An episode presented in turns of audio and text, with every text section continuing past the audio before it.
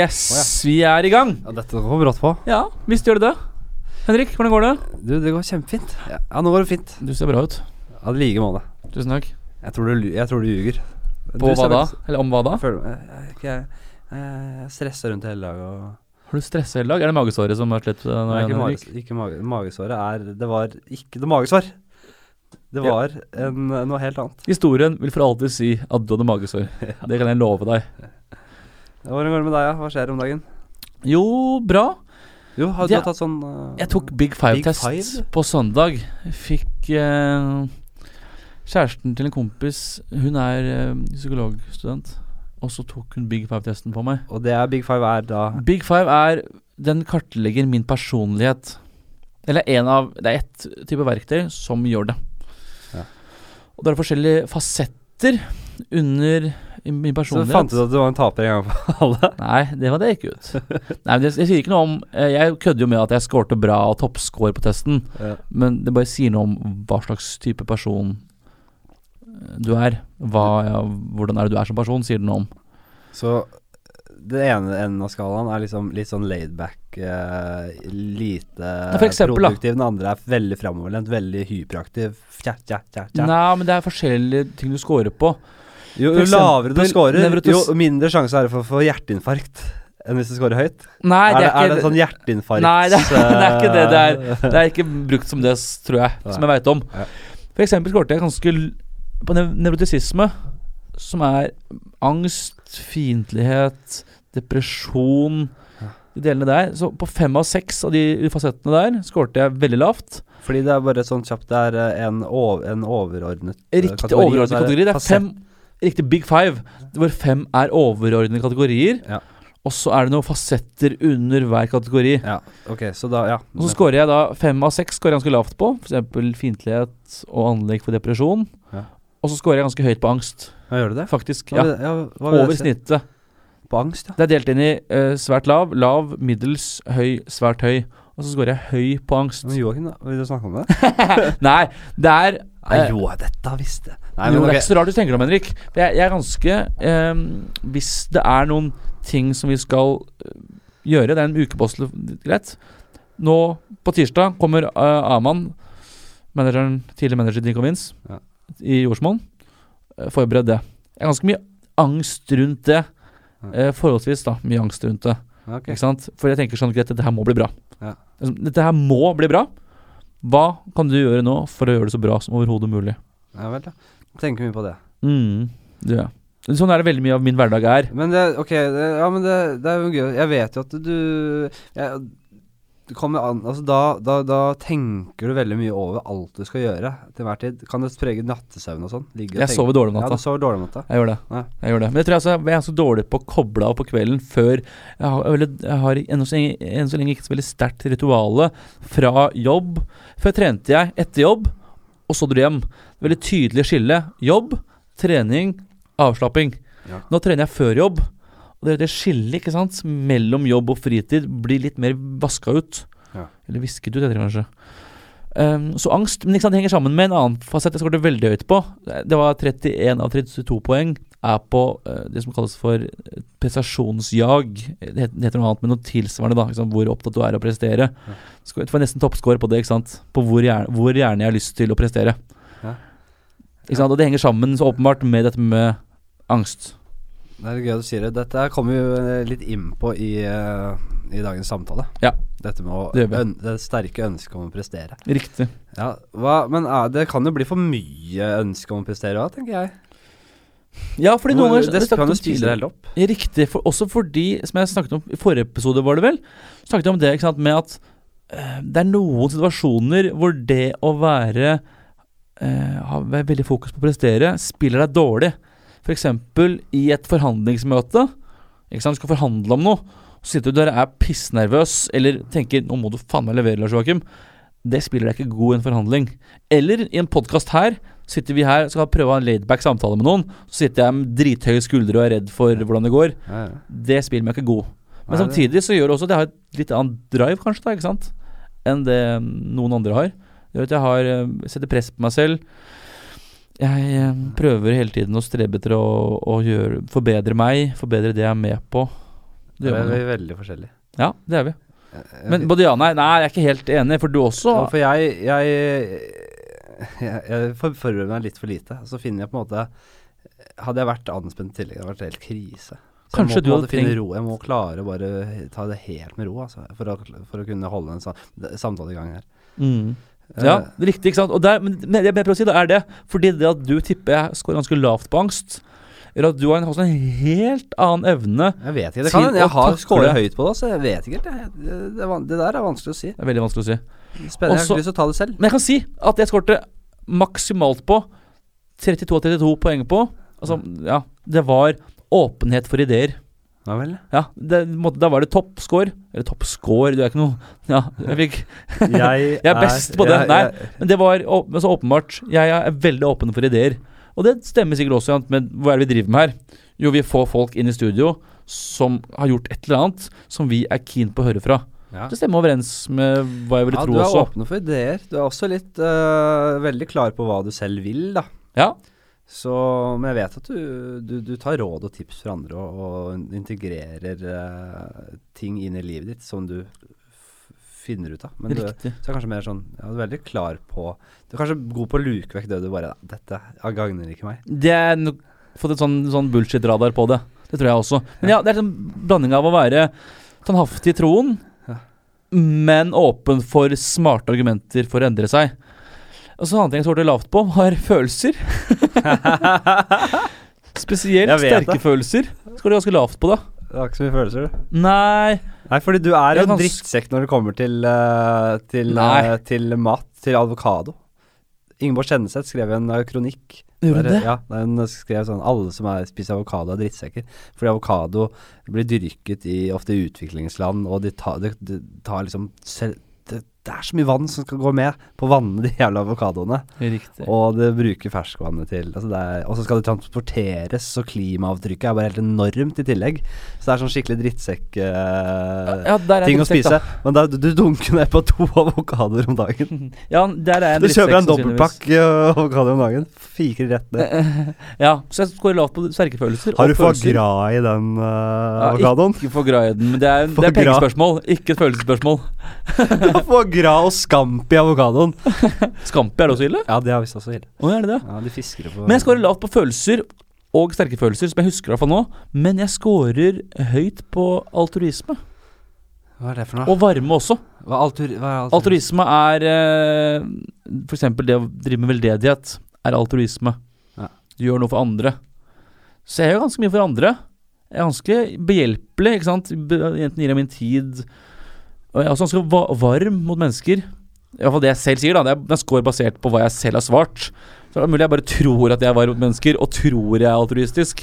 Så, men ok, hva, Kommer man til en slags konklusjon her, eller Nei, er det for det bare sånn- ikke der- bare gjennom uh... Det er bare Det, det, det, er bare en Det er jo ikke en analyse av hva det betyr. Men kan man ljuge, da? Får man masse spørsmål, eller? Ja, Selvfølgelig det er vanskelig å lyve, ikke sant? fordi spørsmålet er stilt på en måte som gjør at du ikke helt klarer å skjønne hvilken fasett det faller inn i. Fordi det er kanskje mer omfattende enn de der eh, valgomattestene, der du skal se hvilket parti du stemmer på. Fordi da sitter man hver gang og bare Ja, jeg skjønner hvor dere vil. Ja, jeg, jeg er ikke Frp-er.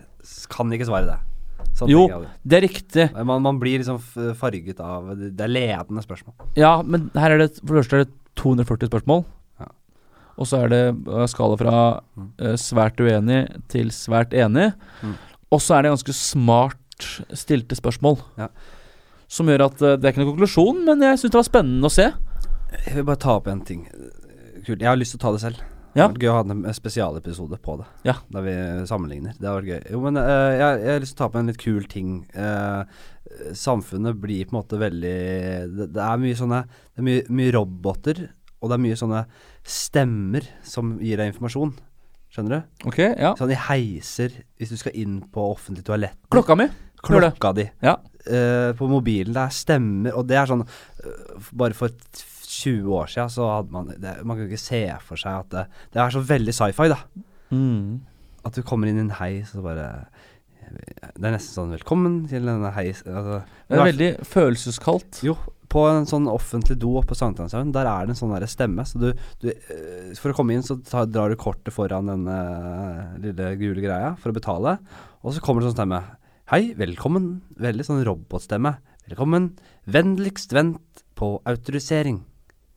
Ja, Kanskje det? jeg har ikke vært der, ja. Nei. Og det, det, er, det er sånn Jeg er blandede følelser rundt det. For det er veldig sånn kaldt. Vi må leve i et sånt samfunn med sånn robotstemmer. Og jeg, jeg, må, jeg vil jo tro at de har teknologien til å gjøre det. Det er at man har gode sånne voicere, gode tale Altså leie inn Gustav Nilsen, da. Han eh, det er det som gjør har masse sånn tegneserier og er dritflink på voicing. Som at det blir sånn uh, Gustav Nilsen er ikke han som har blitt brent? Hvem er det? Lasse, Lasse Gustavsson. Lasse Gustavsson, ja. Hvem er Det er ikke han svenske brannmannen, nei. Ikke han. Ikke han Var det ikke elektriker? Ble ikke han tatt? Ja, det var bra. da. Det var, men det var, var, var det ikke elektrisitet som gjorde det? Brann. Ja, altså, Dette her, så dette er den verste avsporingen jeg har vært borti. ja. Nei, jeg snakker om Gustav Nilsen. Så ikke stemmen fra til han som er brent Nei. av svensken? Men en, okay. Okay, en, eller en jovial voicer, da, som istedenfor å si 'vennligst vent på autorisering', så er det bare kanskje mer sånn Ja, hallo, ja. Halloen, da Men det er det nemlig. Nå er det snart uh, Nå sl åpner slusa seg snart. Det bare vente, man vente litt. Men det på- hørte jeg Det er nemlig et drittprogram på autorisering her. Skal vi se Der var den, etter. Der var den, ja. Velkommen inn. Jeg skjønner. Ja, den, ja. Kan man ikke gjøre det? Jo, men det var det her nemlig som jeg hørte om på Dialogisk. De som har studio nå om et kvarter etter oss. Ja. Dag Sørås og Gunnar Tjomli. Riktig. De snakket om det her, og snakket om det som kalles for Uncanny Valley. Det er ikke helt feil. Og det er det at hvis roboten blir for nære oss, men dog litt forskjellig, så syns vi det er veldig creepy, kontra at den er litt mer forskjellig fra oss. Den er åpenbart helt forskjellig fra oss. Ja. Så er den for nære uten å være helt lik, så syns vi det er dritt. Men hvis den er da, i hvert fall nok fremmed for oss, så ja, ok. Det er, alt, det er selvfølgelig det? creepy å komme inn i en heis og så bare Hei, lille venn. Ja, det er selvfølgelig litt creepy, ja. er det du som har tatt turen? Det, ja, men det er jo åpenbart Skal creepy. du, skal du opp i fjerde, du, da? Ja, det der er ikke han brannmannen som er brent, det hører jeg. Men ja, kunne man, ja nei, du har noe, det Jeg har ikke hørt den episoden. Og jeg har heller ikke hørt om, eh, om den. det, det virker jo på en måte litt fornuftig. Ja. Enig. Mm, At det blir for nært, ja.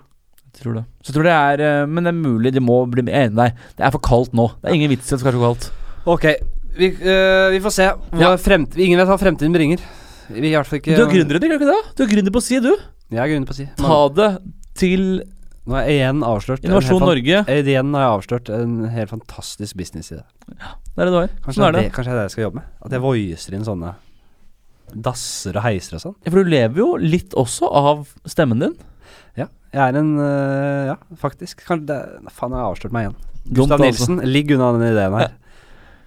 Og da snakker jeg ikke om Lasse Gustavsson. Okay, jeg, jeg måtte faktisk tenke meg om nå. har øh, Lasse Han har ikke Gustavsson sjarmen.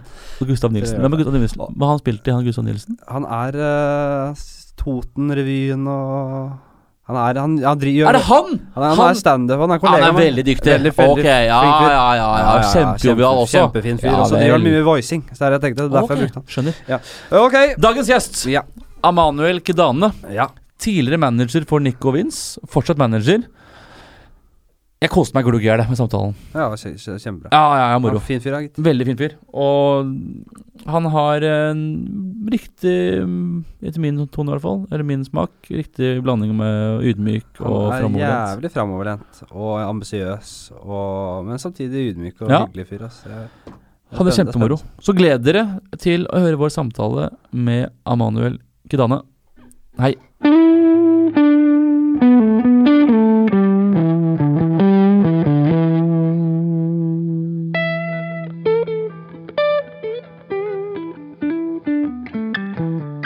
Yes, da kjører vi, da. Hører, hører oss, Felix? Ja. Er du sikker? Ja. Ok, da er vi i gang. Ja. Joakim, Henrik. det vi ikke har snakket om før, er jo at du er jo Du er manager Det er det jeg er. selv. Du er, du er manager for, um, for pa partybandet Åges danseband. På min hals Ja, er jeg det. du er det. Ja, det er jeg Og, det, og ikke et vondt ord om Åges danseband. Flotte gutter. Men Veldig bra til sitt bruk. Ja. Uh, men det er ikke Nico Vince. Det er eh, til sitt bruk er de, Jeg mener de er Norges beste partyband. Ja. Men Nei, de er ikke Nico Vince. Det er de ikke. Men du mener det er Norges beste partyband? Ja, det gjør jeg. Ja, det kan du stå for. Ja, men det, det jeg har sett de, sett de selv, det, er, det er et veldig godt partyband. Så hyggelig. Takk for det. Ja, ja. Eh, vi har altså to musikkmanagere. Føler du at det blir Er det riktig å si? Vi er kolleger, jeg og Aman. Det er Ja, vi. ja, det er det. Det er vi. Men uh, men det er helt andre Vi kan ikke Hvor skal man Kan ikke sammenligne, selvfølgelig, Nei, på noen som helst måte. kan ikke det. Men samtidig, da, så jeg tror allikevel sånn vi må tenke, ganske likt av man, ikke sant, som managere. Absolutt. Det er å spille artistene våre gode. Det er det det handler om. Mm. Kom, de skal komme til dekka bord. De skal ha alt på plass. Alt skal være i orden, så at de kan gjøre kunsten sin. Mm. Det er ganske rett fram, sånn sett. Velkommen, Aman. 100% Tusen takk. Amanuel. Takk, takk. Uh, Holmlia-gutt. Holmlia. Til dagen jeg dauer. Ja, dere har også noe til felles, for det er fra samme bydel, dere to. Det er riktig. Bydel Søndre Søndre Nordstrand. Ja. Sånn, sånn. Haukete er jeg fra. altså, det er tullete navn på en bydel. For den, det er tullete navn på den bydelen, Det er litt mener enig. jeg. Det er altfor flott og fjongt for Ja, det passer ikke til kulturen vår Nei. at Nordstrand er i det. Det gjør det ikke. Jeg føler, meg, jeg føler at det er helt ulik kultur der enn på Nordstrand. Absolutt. Så det kan kalle seg for noe annet, egentlig. Ja. Byen eller Hauketo kunne de kalle seg for. Eller bydel Holmlia. Ja, Så er det. Eh, er det en rivalisering mellom Hauketo og Holmlia, egentlig? Nei, det føler jeg ikke. Du er ikke I yngre? I yngre dager, når, vi spilte, når jeg spilte fotball, så var det alltid en rivalisering mellom Holmlia og Hauketo. da. Ja, men det er sånn her Bekkelaget Koffa, for de som kjenner den rivaliseringen. Det er ikke så Det er Men ikke ellers, beina rivalisering. ellers er det bare kjærlighet. Ja, Ja. ja, selvfølgelig. Det vil alltid være det når det er noe på spill. Mm. Men når, når en Hauketo-gutt møter en Holmlia-gutt, så er det alltid god stemning. Mm. Eh, ja, men Aman, du uh, er, ikke- Kan jeg si, du er ikke lagets tolvte mann, for å bruke en fotball, uh, et fotballbegrep. Men du sier i Nico Vince-duoen, så er du kanskje duoens tredjemann. Kan jeg si det? Ja. Du eh, var, har vært med på hele den reisen. Ja. Eh, fra liksom Ja, du rappa Var artist selv, startet med det, Mm. sammen med, med Nico. Jeg hadde jeg en gruppe med Vins også. Ja, du hadde det også? Ja, ja i, rundt uh, russetida. Så vi hadde en gruppe som het eh, Turister i Norge. Ja. Og så hadde jeg en gruppe med Nico som het eh, Black Diamonds. Og så bare fant jeg ut at hei, dere er de to beste. Jeg har lyst til å putte dere i en gruppe sammen. Ja. Og så har jeg lyst til å manage dere. Jeg trodde Turist Norge var russebussnavnet. Det var russebussnavnet. Det var det også, ja? Og så begynte vi å få masse spillejobbhenvendelser. Ja, Riktig, ja. Så begynte jeg og Vince å bli varme. Ok, Og så gikk jeg og Vince og banka på alle plateselskaper i Norge hadde lyst til å jobbe med de. riktig. Men det var ingen som ville signe oss, da, så da Verst for tok dem. jeg sak, ja, da tok jeg saken i egne hender og starta eget selskap. Signa Nico Vince på selskapet, og Ja, for Hvordan var det? For det du, Men det kan var vi- du som fikk Men nå, må vi, nå går vi litt fort fram her. Gjør vi det? Fordi jeg vil gjerne høre om den tiden da dere bare Da dere var i russebuss uh, Ja, så du vet- Rappa i russebuss og var uh, holdt på. Men også så ble dere jo litt større og større og større. Riktig. Uh, men hva slags tid var dette her i? Du, du sa i stad før vi begynte at du sto på de samme scenene som Carpe Diem og Ja, sånn så- en gang i tida. Så hvilken tid var det her? Hvem var det som holdt på? Hvem var det som var ferske? Hvem var det som var på vei opp? Bare for å lage et landskap. Uff. Mhm. Jeg husker ikke akkurat når det var, men jeg husker at jeg på en måte ble involvert i musikkbransjen via å ha jobbet operasjonsdagsverk hos Passit, da, som var et musikkollektiv eh, med artister eh, som Onkel P, Admiral P, Sandra, eh, Admiral P, Nico D, og produsentene som var de heteste på den tida. Ja. Så jeg var der liksom en ukes tid og gjorde alt kontorarbeid, sorterte aviser, var i studio når artister spilte inn. Bare så opplevde jeg prosessen, da. Ja. Og det var sånn jeg på en måte starta relasjonene mine med folk i bransjen. Som eh, for eksempel Som også har ledet til at vi laget en russelåt med Nasty Cut, som var den, Han var der de dagene jeg var der også. Ja. Så fikk jeg et forhold til han. Så har jeg hatt godt forhold til Onkel P liksom i den samme perioden. Managerne til Admiral P, Onkel P, alle sammen liksom. Det var et stort kollektiv, da. ja, ikke sant. Kult. Så var det også razzia med politiet og hele den pakka der. Men, men, da, men, men pakka s- Fortell mer om Nei, nei, på grunn av Ja, for hva var den historien der? da? Det var noe eh, Var det ikke noe Tosca-penger involvert, eller et eller annet sånt? I studio? Ja, men det, det var delfinansiert av Ah, var det det? Ja. Så det er det jeg har hørt, i hvert fall. Ja, Jeg vet ikke om- riktig, ja. Og Ok, så ok. kommer jo politiet inn der med Hvis dere sjekker i på Google, så finner dere alt. Men når du var der, eller? Jeg, jeg dro vel akkurat når de kom. Så du dem, du gikk ut, og så ser du det kommer ti, Ja, ja. ti folk med Jeg så, jeg, så, og ja, jeg så politifolk med maske og skjold og hele pakka. Hva tenkte, så du kommer- bare, hva, tenkte du, hva tenkte du da? Tenkte du dette må jeg finne mer ut av, eller tenkte du da går jeg videre? Nei, jeg syns det var kult, jeg. Ok, riktig. Tenkte, Jeg var hva kom- skjer? tenkte, skjer her, da? Jeg bare kom på potensiell gjest, jeg nå. David, Tos David Toska. Tosca, selvfølgelig. Han er snart, han er snart ute, Han han. er snart bare ute. Og Han kommer sikkert. Skal stå utenfor fengselsrapporten og få hanken inn. Med jordsmonplakater og mikrofoner. han er ute nå allerede og gjør ting og tang, da. Ja, jeg har sett litt Han er vel ferdigutdanna advokat snart òg. Vokste dere både alle tre, får jeg si, på, på Holmlia? Nei, jeg jo er er Lambertseter også, var det det? Vince er fra Lambertseter. Er. Nico er fra Holmlia. Jeg tror han flytta til Holmlia som sånn åtte-ni-tiåring. Ja. Og så ble jeg kjent med han egentlig opp gjennom øh, ungdomsskolen. Ja. Så så jeg han fikk hovedrollen på et skolestykke vi skulle ha som heter Fame. Ja. Så tenkte jeg nei, hvordan fikk han nerden der hovedrollen? Jeg skjønte ikke det. Mm.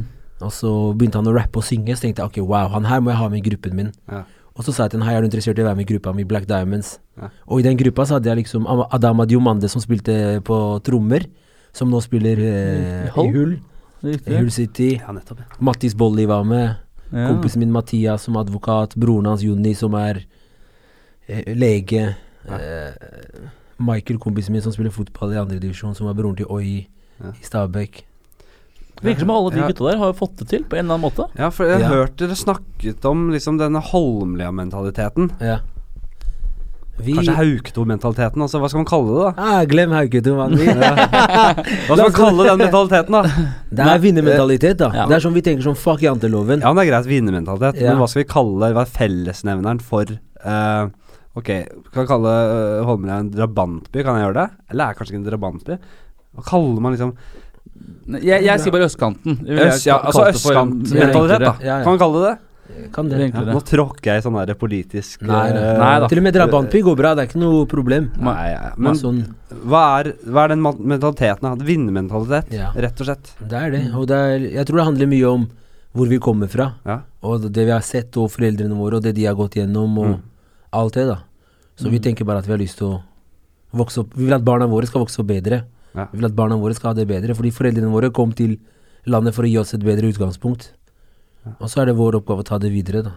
Mm. Så tror jeg også, som, som du nevnte her, den der janteloven, ikke sant. Det er ikke helt det samme på Hauketo heller, men som det er Nei, nei. vanlige norske miljøer. Så er det litt sånn, skal ikke stikke hodet for mye fram. Mm. Mens på østkanten så er det noe man applauderer. Ja, Kult. Ja. Bra. Kjør.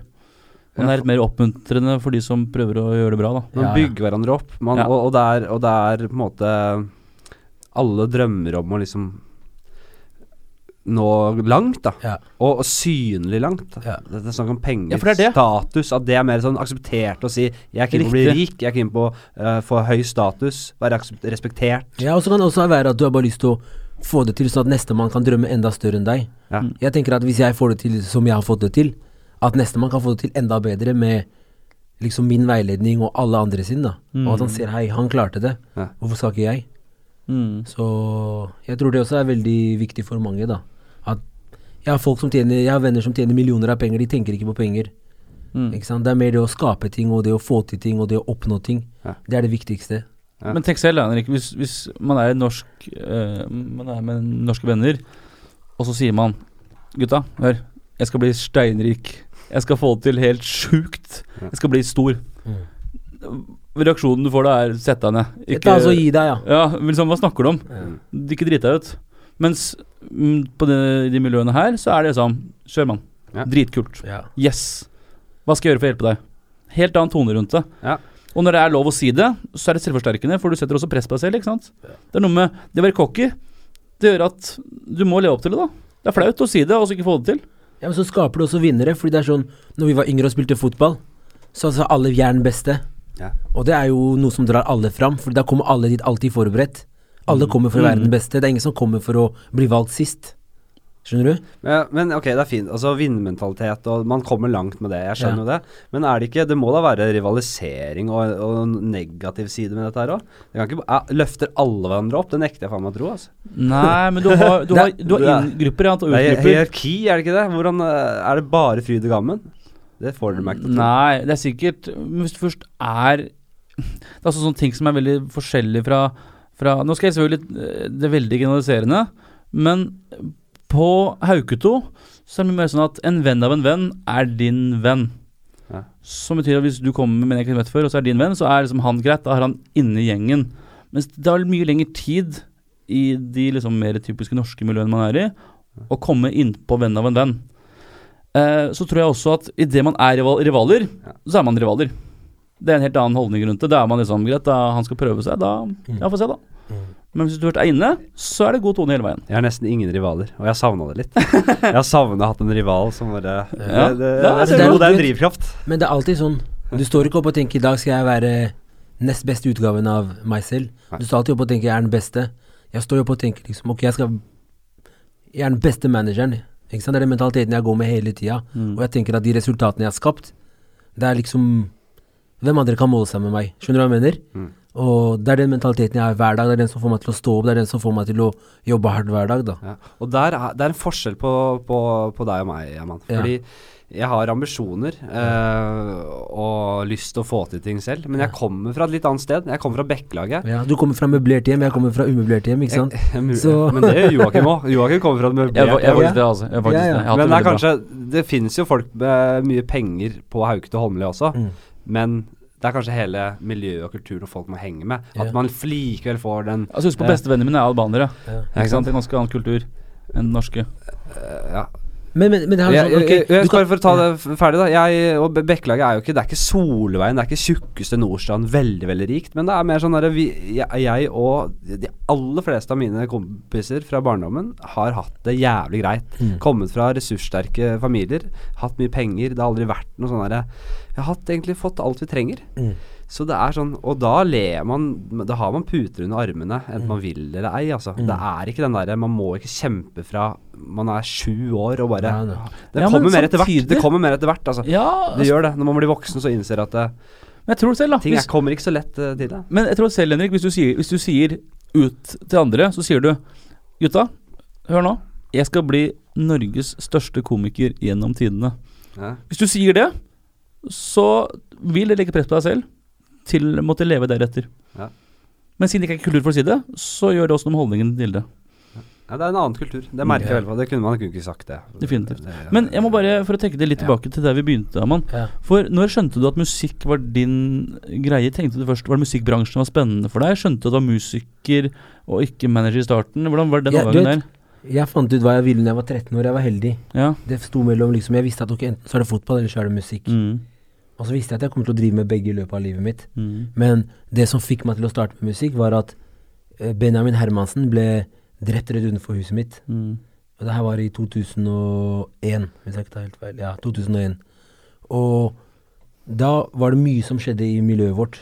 Og moren hans var annet læreren vår. Så hun, hun var mye borte. Så når henne var borte, så måtte vi ha vikarer, og det var stelt i stand workshops og mye aktiviteter, da. Som skulle holde oss på en måte opptatt og følge timeplan.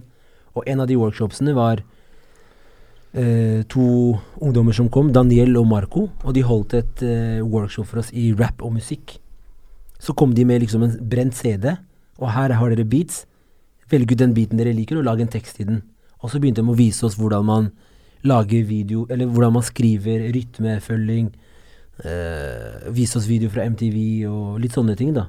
Og da ble jeg dratt inn i et land som jeg liksom aldri hadde tenkt noe mer på før. Kult. Og så tenkte jeg shit, det her har jeg lyst til å gjøre videre.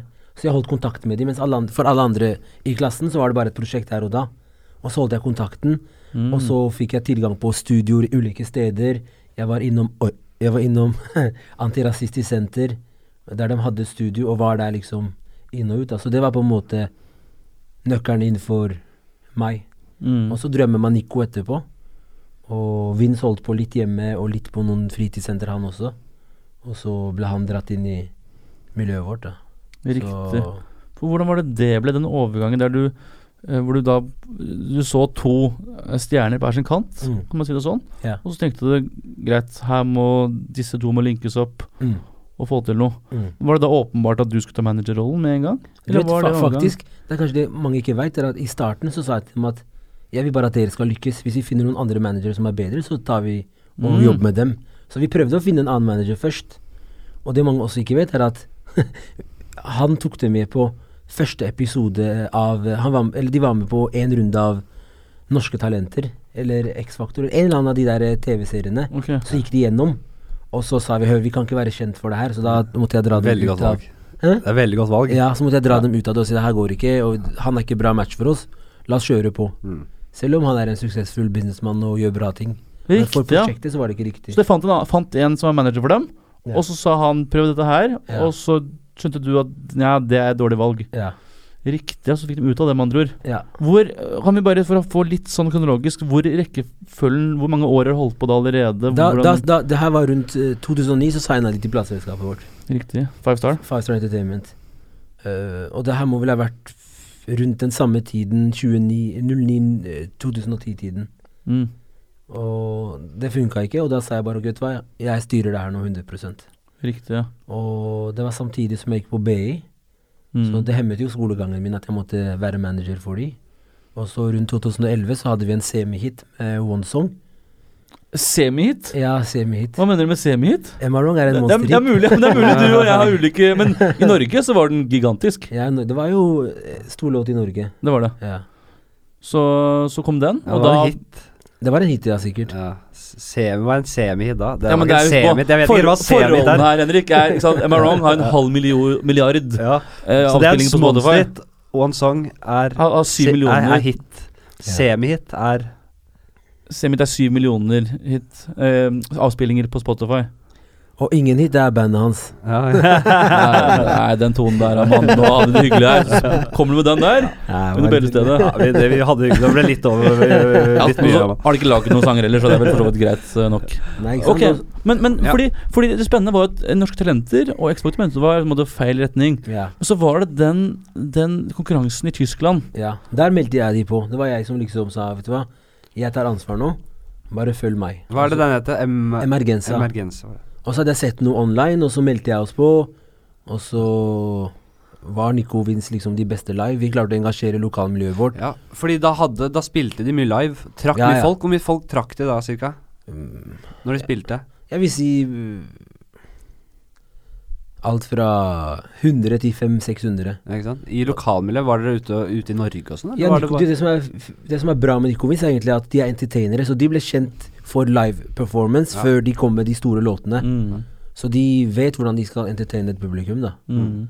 Og så For Emergenza var vel primært Var ikke det den, performancen som ble bedømt på, var det ikke det? Nei, det var eh, Ja, det var en totalpakke. Okay. Så i starten så var det også liksom Ja, du måtte komme og spille for folk, og så var det en jury som bestemte hvem som skulle gå videre og ikke videre. Og så vant vi hele skiten i Norge, og så dro vi til Tyskland Mm. og gjorde eh, ting der også. Mm. Og ja, vant, gjorde du ikke det? Ja, vi vant. Ja, riktig.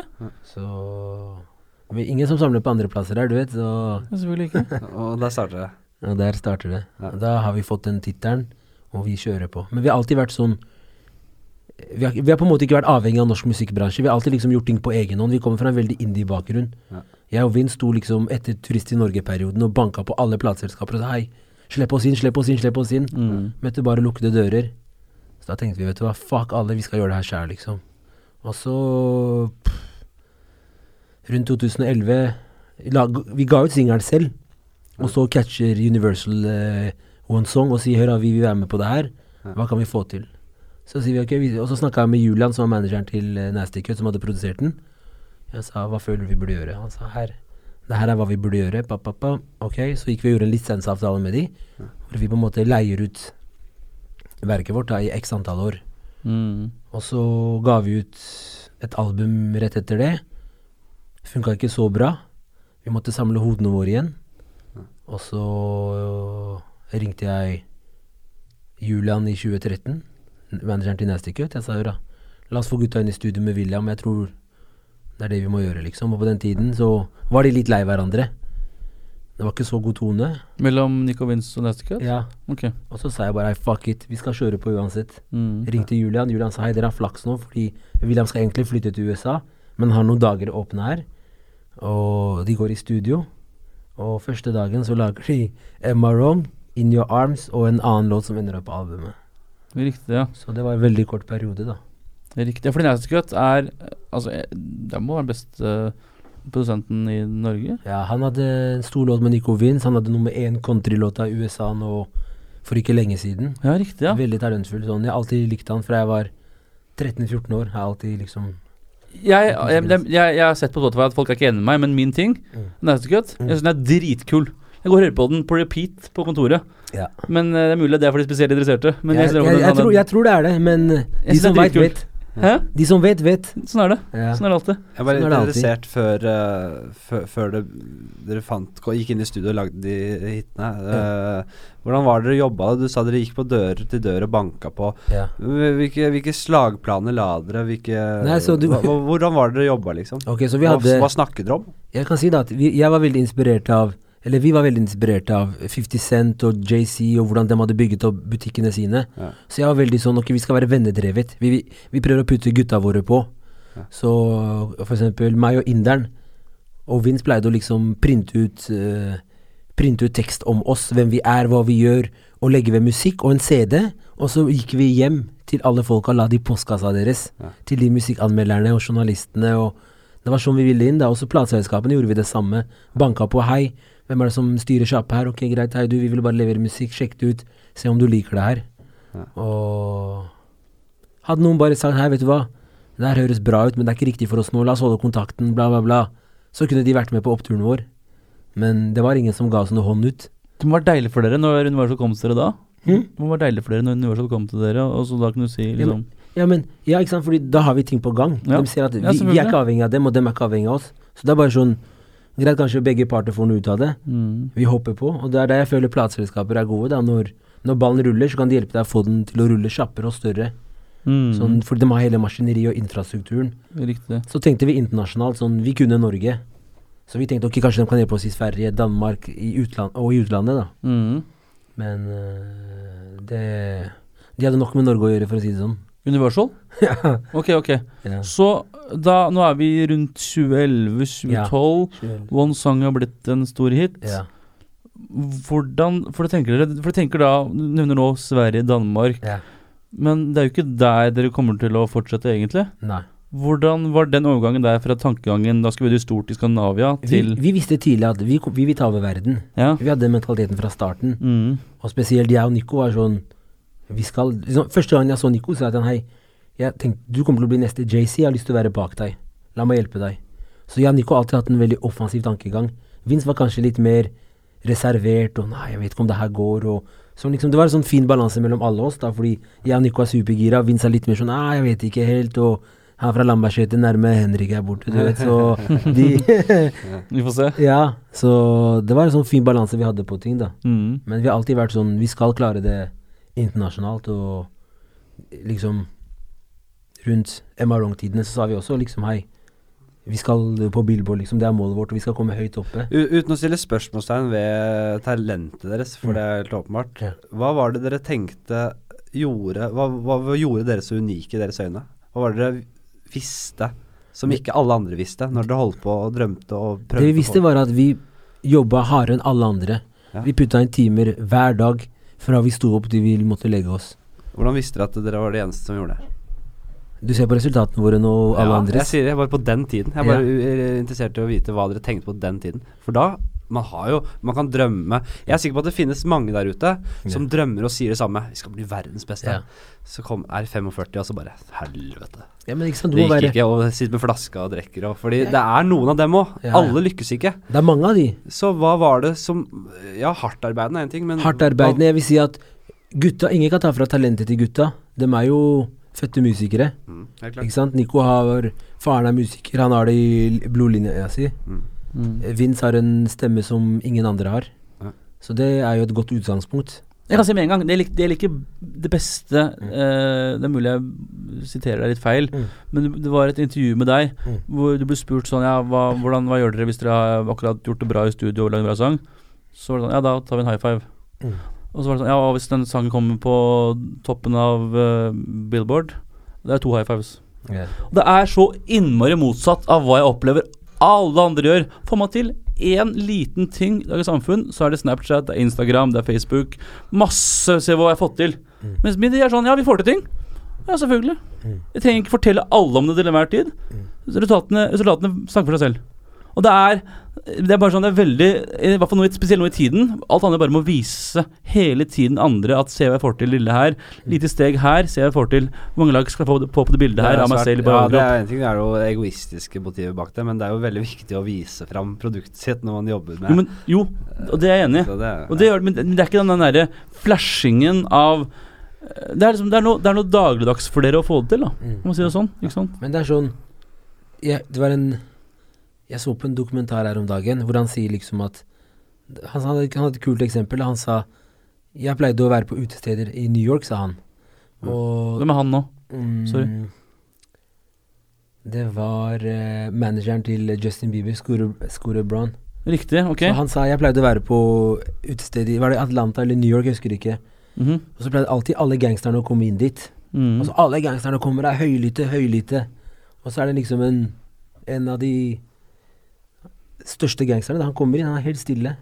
Han bare sitter der, og alle tenker bare Wow, se på han der, da. Han der er rå, da. Ikke sant? Og det er litt sånn også med den bransjen her. De som vet, de vet. Skjønner du. Man trenger ikke alltid å stå og skrike og vise fram ting, og hvordan ting er, og hvordan det går. Det er sånn Mm. Hvis jeg personlig spør noen om noe, sånn ikke still spørsmålstegn ved det. Bare la samarbeide her, og så veit du at jeg har relasjoner til å få til ting. Skjønner du hva jeg mener? Det er sånn jeg, jeg, jeg, skjønner veldig godt om det. Jeg, jeg, aldri, jeg jobber Jeg er standup-komiker. ja. Jeg har aldri vært noen fan av å flashe med Nei. talentet mitt, eller Nei. det jeg driver med, eller det jeg har fått til. Nei. Men jeg skjønner det- at folk det- må bruke det som et markedsføringsverktøy. Ja, etter hvert så er skjønner man at det, Ja. her må man uh, svelge noen kameler Ja. og rett og slett bare Ja. få det ut der. Fordi Ja. det er så mange om beinet, og det er Ja. vanskelig. Men uh, jeg er helt enig. Ja. Har man talent et, uh, Har man talent, så er det ikke noe vits i å Nei. Det er de som skriker høyest og ser Ja. på meg, de har kanskje De mangler kanskje litt uh, Ja. Det, det er jo eh, et sitat fra American Gangster, er det vel. Denzel Washington spiller der. Jeg husker det veldig godt. Mm. Det er en scene Han spiller en narkoboss. Og så er det en scene der hvor en av hans et, Nå husker jeg litt Ja, jeg tror det er en av hans fettere som kommer inn på en fest. Kommer med masse glorete klær og hatt og ler og skriker og sjo og hei. Ja. Og så blir det en kjemperabalder rundt det. Og så sier Denzel Washington at The loudest man in the room is the weakest man in the room. ja. Mm. Og det er ikke alltid jeg selv lever etter det, det kan jeg si med en gang. Men det er noe, liksom, det er noe smart over det, da. Ja. Jeg er litt enig. Det er det. De som har ro, og de som har fått det til, de trenger ikke flashe. Det er jo sånn ofte de sier sånn f Før du har det, så må du late som du har det. Og når du har det, lat som du ikke har det. Riktig. Ikke? Det er sånn Det har jeg ikke hørt før, du, ja. du ser liksom de største folkene i bransjen. Mm. Sånn Hvis du ser på Mark Zuckerberg, hvis du ser på Steve Jobs, ikke sant. Mm. Det er liksom De går jo med de samme klærne hver dag, for de vil ikke bruke tid på hva de skal ha på seg og ikke ha på seg. Så de vil Mm. bruke mest mulig tid på å endre verden. Det er det de vil. Skjønner du? Mens uh, Mens folk som ikke er så store, bruker tid på andre ting. Ikke sant? Så Mm. derfor får du kanskje ikke like stor impact i forhold til det du holder på med. Det er litt spennende. Hva tenker dere om uh, Her har jeg hatt uh, noen saftige diskusjoner med venner av meg. Ja. Fordi når det kommer til mote, og Ja. hvordan man ser ut, stil, Ja. alle disse tingene, så har jeg aldri vært eh, Jeg har aldri vært noen fan av at det skal definere meg. Jeg har aldri vært opp... Altså, jeg, jeg ønsker ikke at det skal være gjeldende. Jeg skjønner at det kanskje er det, men for meg har jeg, blitt, jeg har vært litt sånn opprør der. Fordi jeg tenker Hvis man går i helt vanlige klær, kanskje ikke dritstygge klær med, med mat på T-skjorte og sånn, det er ikke det jeg snakker om. Men sånn der helt plaine, bare ikke la det være i fokus. La personligheten din være i fokus. Jo mer flashy greier du har på deg, jo mer forsvinner kanskje personligheten din. Da. Jeg har jeg tror om, og det har vi snakket om i podkasten også. Ja. Jeg har snakka med folk med hatter og ringer og tattiser som er så jævlig Ofte bare et skall, da. Men Fordi det er den du er. Det er det som har noe å si. Så hvis du skaper forventninger med mye flashy greier, så eh, blir folk kanskje skuffa over hvem du egentlig er. Da. Ja, det, det kan være, men jeg tror også at det er Du vet, det tiltrekker deg folk ved å se fly ut. Ja. Skjønner du? Hvis du ser bra ut, så alle vil tenke Hei, hva gjør han? Hva driver de med? Ja. De blir nysgjerrig. Ja. De vet ikke hva som gjemmer seg på baksiden. Skjønner du hva jeg mener? Går det en kar der med en gull Rolex-klokke, tenker hei, han der er noen, altså. Hva, hva, hva gjør han? Skjønner du? Ja, det, er kanskje, ja, det er kanskje forskjell på å være musiker og være standup-komiker. Det er ingen som bare ser på han komikeren der, da. Ja. Han var helt rå. Nei, men Lurer ikke sant? han er morsom. Nei, nei. Men, men hadde du gått med Rolex-klokke som som en komiker, så hadde folk tenkt han der gjør det bra, altså. Hva er det han driver med? Mm. Skjønner du at det Ja, skaper tror, en illusjon? tror dere det? Ja. Tror dere har, Ja, noe- det har noe å si med humor? Definitivt. Selvfølgelig. Folk hadde skapt, du hadde skapt en illusjon om at jeg er suksessfull, jeg har klart det, liksom. Eller Ja, men jeg, Men jeg er ikke på- keen på å gå og se en komiker som, er, suks- som er, har Rolex. ja. Nei, men husk på, Henrik. jeg, jeg, jeg er keen på å dra og se en komiker som ser fun ut, jeg. ja, men da Og som du ser kul ut. Ja, men det kan hende at bransjen er annerledes, men hadde du kommet med klokka, så kunne du lagd poeng ut av det. Ja da, det er sant. Skjønner du? Det er en gratis vits. Ja. Husk på, Henrik. Ikke sant? Mennesket gjør hele tiden snarveier. Vi kan ikke hele, på gjøre helt ankerekken til enhver tid. Så vi, når vi møter folk Dere kan også sette i bås. Det er, men, det er hjernen vår som gjør snarveier for oss, for å enkelt kunne bare legge folk Han er sånn, ok, sånn, jeg ser den sånn, det betyr det. Det å kunne ha da f.eks. en Rolex, som man nevner, det er snarvei. Ok, båsen her, dyktig. Han får det til. Ja, men jeg tror det er litt sånn litt forskjellig måte å se det der på. Fordi hvis jeg ser en velstelt herremann med Rolex og, dy og øh, tilsynelatende dyre klær, så syns ikke jeg nødvendigvis det er så jævlig interessant. Men hvis jeg ser en som går i noe som jeg ikke har sett noen gå i før, som jeg tenker Hvordan våger han å gå rundt offentlig det der? Så kan det enten være at eh, personen er en boms og en helt uinteressant fyr, men det kan også hende at det er noe jævlig spennende der inne. Mm. En som tør å skille seg ut. da. Mm. Og, og eh, det fokus på at man skal ha riktige klær og fete klær og se liksom eh, Skjønner du hva jeg mener? Jeg, jeg skjønner hva du mener. det, det er det, det det er noe som krasjer litt for meg der, og det er noe Det er et fokus samfunnet har som jeg ikke er fan av, men som jeg skjønner at man kanskje er nødt til å tilpasse seg for å lykkes, i anførselstegn. Men det er viktig å nevne her at du kan ikke Du kan aldri gå med radioklokke og så gjøre selv et nummer ut av radioklokka di. For gjør du det, så er du en klovn. Definitivt. Ja. Og så sier jeg til det jeg nevnte i stad også, fordi det å gå med For eksempel jeg går med armbånd, ikke sant. Og det er jo Hva er det for noe? Jo, det er kun jålete. Ingen funksjon i det hele tatt. Eh, men for det med å gå med ring eller armbånd, det gjør noe med at du, du, setter et, du setter litt press på deg selv, da, som du sa selv. Mm. Det skaper noen forventninger til deg. Så hvis du går og er litt flashy, da må du leve opp til det. Hvorfor tenker jeg sånn? Ja. Det ligger press på meg selv. Mm. Vil jeg være flashy? Ok, da er jeg flashy. Ja, Mm. da får du kjøre, da. Jeg, jeg, jeg, jeg, Altså, jeg, kunne, hadde kanskje hatt godt av å være litt mer flashy, jeg. Ja. Altså. Jeg, jeg, jeg er helt noia for å skille meg ut sånn, i hvert fall Ja. motemessig. Det, det, Men det er sånn du får førsteinntrykk én gang, ikke sant?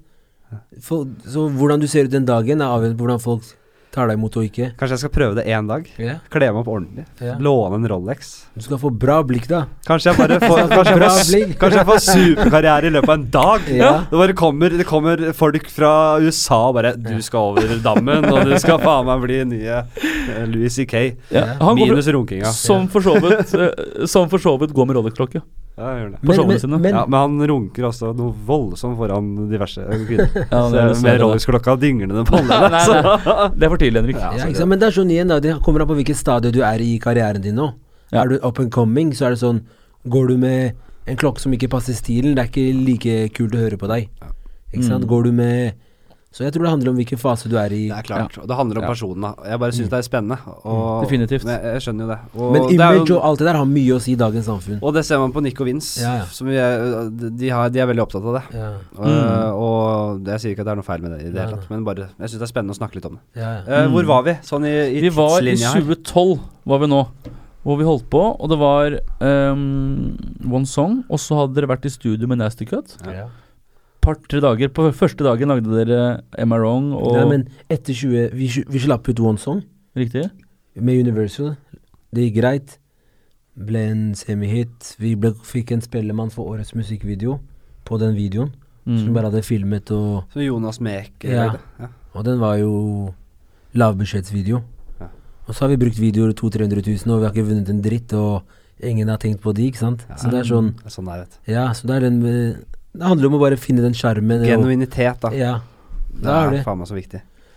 Så der Og så gir vi ut et album som heter The Magic Soup and The Bittersweet Faces i 2012, tror jeg.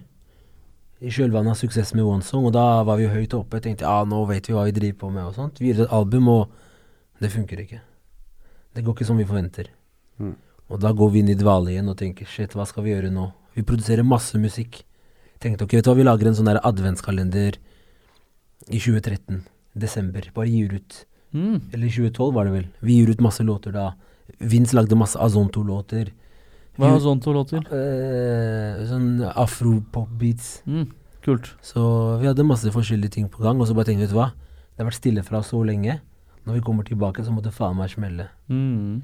Og i den samme perioden, så, eller i desember 2013 eller Ja, 2012-2013, faen, jeg husker ikke helt. Men så gikk vi inn i studio med Nasty Cut, og da kom de låtene Ja. til Am I Wrong, In Your Arms og der. Kan jeg bare spørre om ting? Er det sånn at dere da umiddelbart tenker Ok, Am I Wrong for en monsterhit? Det Det vi tenkte, det vi tenkte var ok Når Julian ringte meg og sa hei, la oss ta et møte som er manageren til Nasty Cut, så sa han hei, jeg har lyst til å gå rundt og shoppe de låtene her i Europa og fikse en deal. Da tenkte jeg ok, da er det noe på gang. Skjønner du? mm. Altså hadde vi ikke noe Da var vi fortsatt på eget label.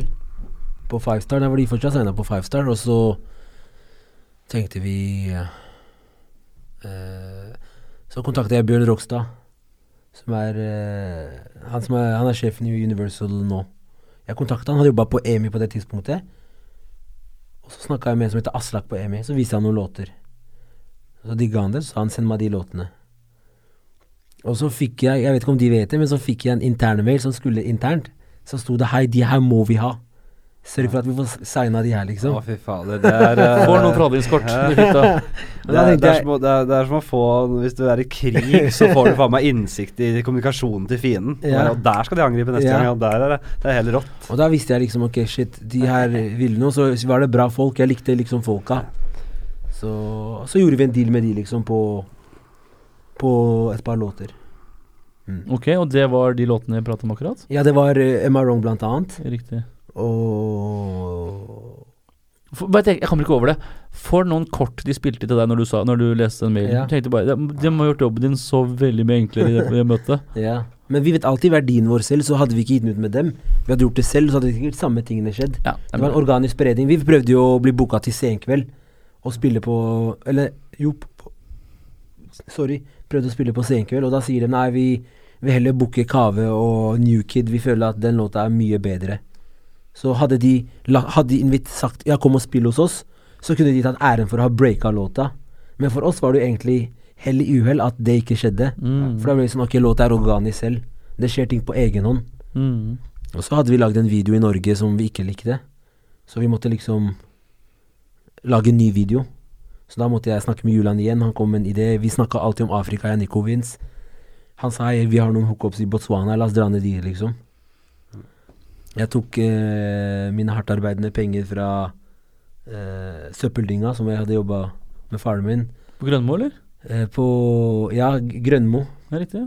Og så eh, hadde jeg Så lånte jeg litt penger av søstera mi, og så hadde jeg litt Lånekassen-penger. Dro vi til Afrika, skjøt video. Plateselskapet fikk det Du vet, vi skulle ut med videoen på, VG Live, nei, på VGTV. Eh, de fikk den samme dagen som den skulle ut, klokka sju-åtte på morgenen. Og de hadde mast hele tida for å få den. Men vi hadde ikke ferdigstilt den. Vi er perfeksjonister, så vi ville ha det 100 ferdig. Mm. Og når de fikk den, så bare Wow, noe av det råeste vi har sett. Mm. Masse hjerter og tårer, og, og da var det liksom verdt det. Og vi brukte våre egne penger, og de kunne ikke støtte oss. Og, så det var Mm. Du må ha troa på det du driver med, da. Ja, selvfølgelig. Så vi visste selv at de ville at vi skulle gå ut med den ene videoen. Men vi visste at det der er ikke For det er for alltid. Det der er en kort snarvei. Det er, spennende det der med hvordan eh, eh, lykke kommer forkledd som ulykke, og det motsatte. Ja, ja. At, eh, si at uh, Nico Vince slo gjennom med, gjennom Norske Talenter. ja. Det er Av og til funker det, Mm. Men det handler om å være genuin. Det handler om å gjøre akkurat det man har lyst til å gjøre. Og da blir man stor da, på sine egne premisser. ja. Og det er så viktig. Ja. Ja, så eller- å få, få noen til trynet, få avslag, Mm. det er viktig. Det kan bare det gjør jeg som Det er det beste. Det har jeg hørt flere eksempler på nå. Jeg er helt enig. Det er det norske talenter. Det er de greiene her. Mm. Det, Det, er, det, det er trenger ikke være noe negativt. Det er også det at det er noe med For hvis du feiler på andres premisser, føles det mye verre. Ja. Hvis de går den veien med norske talenter, Mm. og det ikke funker, tenker de hvorfor i all verden gikk vi en vei vi ikke har tro på selv engang. Ja. Men hvis de feiler, i det minste på egne premisser, så kan de stå for det og leve med det. Mm. Og selvfølgelig, når man da breaker og gjør det bra, Ja. på egne premisser, så er det jo selvfølgelig dommen i Ja. himmelen. ja, ikke sant. Og det er det som skjedde med oss. Vi fikk en av de Jeg vet da faen hvem som har gjort det like stort som Nico Vince, liksom. Og kommet nummer er vel, fire på Billboard. Det er ikke det. det er vel? Du, har jo, du har jo Kygo, som er sikkert mye større brand. Du har Alan Walker, som gjør det stort nå. Men vi åpna en bransje som var med brukket ryggrad. Skjønner du? Det var ingenting som skjedde internasjonalt før vi kom inn. Så kommer det fuckings tre svartinger fra Søndre Nordstrand som har troa på det de driver med, og som puster, det li som puster liv inn i en ny bransje som er død. Og da tenker alle fy faen, hvis de får det til, da skal faen meg jeg få det til. Etter det kommer Kygo. Så kommer Astrid S, og så kommer produsenter, og så kommer den ene etter den andre, og alle begynner å få troa på det her. Det er noe magisk som skjer her. Folk fra USA kontakter folk i Norge og sier hei, vi har lyst til å jobbe med dere, vi har hørt om Nico Vince, vi begynner å eh, følge med på hva som skjer i markedet her, og det er andre produsenter og artister som kommer til oss og sier det, liksom. Norge gjør det bra. Norge gjør det bra internasjonalt også. Norge gjør det dritbra, det og Sverige har gjort fronter, Ikke Sverige bare har gjort- musikk, men også film og TV. Ja, ja. Ikke sant? Og Sverige har jo, ligger jo kanskje 10-15 år foran oss når det kommer til musikk og mote og alt sammen. Så det er kult at folk begynner liksom å følge med på Norge. Mm. Men det er ikke den kulturen hvor amerikanerne drar kjapt ned til Sverige og recorder og gjør ting og henger. Men det er, ingen som, det er ikke så mange som gjør det med Norge, da. Av de Rart det der. Det må vi få gjort noe Men med. jeg må bare spørre en gang vi til. Jeg må bare spørre en gang til, eh, Aman. Eh, Når dere spiller inn Am I Wrong, Ja. går det opp for dere at mm, dette her kommer til å smelle i hele verden? Jeg tror ingen så for seg at det kom til å smelle i verden, men jeg visste at når Bjørn Rokstad sa Han skrev på Facebooken sin Den låta her kommer til å gå nummer én. Jeg tenkte ok, hvis sjefen tenker det, alle vi skal jobbe hardt for det, liksom. Og vi visste at vi satt på en bra låt, for vi spilte Vi inviterte venner i studio. Ulike målgrupper, ulike skjønn, og sa hei, hva syns dere om de to låtene her? Så vi spilte dem Am I Wrong, og vi spilte dem In Your Arms. Vi sa hvem føler dere? Og Am I Wrong var så nytt at folk bare ah, Vi veit ikke, den er dritkul, men vi veit ikke De helt. ass." sa det, ja! Ja, de bare ah, vi veit ikke helt. Det er ofte sånn, ass. Det er For det, det er som er så spennende. ja, for det er man noe- skjønner ikke, for man er så også så inni det selv, ikke Ja. sant. Så det er vanskelig. Ja. Men In Your Arms var sånn Ja, det der er en hit. Ok. Skjønner du? Så det er det derre Men er hvordan, hvordan går man fram da, når man slipper det og man skal, man, er- Dere er i Norge da, ikke sant? Ja, vi er i Så Norge. slipper dere i Norge. Men hvordan er det det beveger seg da mot statene eller resten av verden? Hvordan Jeg tror måten eh, det skjedde på, var at vi ga ut låta i Norge først. Ja, Og så hadde de Emin avtale på å gjøre det for Norden. ok. Og da aktiverte de Når de så at den Du vet, streamsa. Det var sånn Det var sinnssyke tall daglig. Ok. Så når de ser hei, det her er stort Det er store muligheter for oss her. Og så ringer de sikkert kontorene sine i Sverige og Danmark og sier her må vi kjøre på. Gjorde riktige aktiviteter. Mm. Gjorde riktige ting. Og det er det som er bra med et stort maskineri, for som jeg sa tidligere, at de kan være med å få banen til å rulle kjappere og større. Så vi hadde et bra team den perioden, da.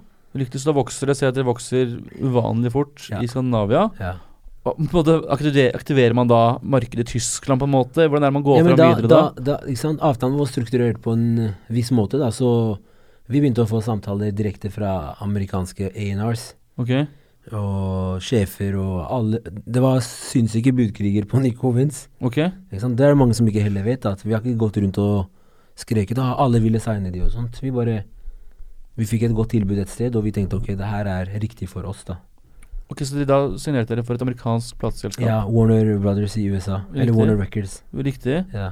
Og signerte for dem. ja. Og da tar de sangen videre da Da har de rettighetene rettighetene i hele verden. Og så gjør de sikkert en avtale med Norge på at ok, dere får prosenter fordi dere var med å oppdage det, liksom. Riktig. Og så Og det som var litt spesielt, var at vi var jo signa på EMI først. Og så ble jo dem Så måtte de splitte. Fordi det var en sånn eh, Det var en oppkjøps Universal hadde kjøpt opp, så pga. markedsandeler eller et eller annet sånt, så måtte de splitte seg, da. Så noe måtte gå til uh, Warner, og noe måtte gå til Universal. Ok. Så da sto vi egentlig liksom sånn i fritt fall, da. Men heldigvis så hadde vi gode avtaler og gode kontakter som hjalp oss. Ja, med ok. å, Det, var, det, var, det her var jo jævla Må ha vært gode tid. Hvordan føltes dette her. Den suksessen her? ja, det er sinnssykt. Det var mye dansing i studio, dansing i- Nei, du vet, vi var, hjemme. vi, var- vi var alltid på liksom Hva var er neste? Ja, Ja, vi var ja, nedpå. er Sånn, den- ja. Vi skjønte at vi satt på Monster Hit. Ja, man har en følelse. Ja. Det er gøy å være Ja, på ne øh, spille neste ball også. Ja, ja. Det er gøy å være på den der bølgen av suksess, Ja, ja. selv om man er veldig framoverlent. Ja, ja. Vi Så- tenkte alltid neste steg. Sånn, ok, hva gjør vi i morgen? Det var ikke noe sånn der, å, nå sitter vi her, og nå er vi de beste, og det var ikke noe sånt i det hele tatt. Nei.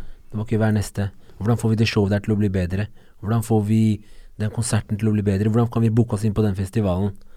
Hvordan kan vi Mm. få brandet til å bli større? Tenker dere nå at uh, ja, Selv om suksessen pågår jo, men uh, tror Skulle dere tatt dere litt mer tid til å nyte det? Eller var det en bra ting? Mange, Altså, og, det er folk som sier at man burde liksom nyte øyeblikkene men, Eller man burde nyte øyeblikkene. Ja. Men jeg vet ikke, altså. Jeg har alltid vært sånn Det er jobb for meg, jeg må bare gå videre. Jeg har ikke tid til å liksom Det, det hører til i fortiden, da. Jeg må se framover. ja. Jeg tror jeg, jeg, Ja, nå har ikke jeg vært i nærheten selvfølgelig av det dere fikk til.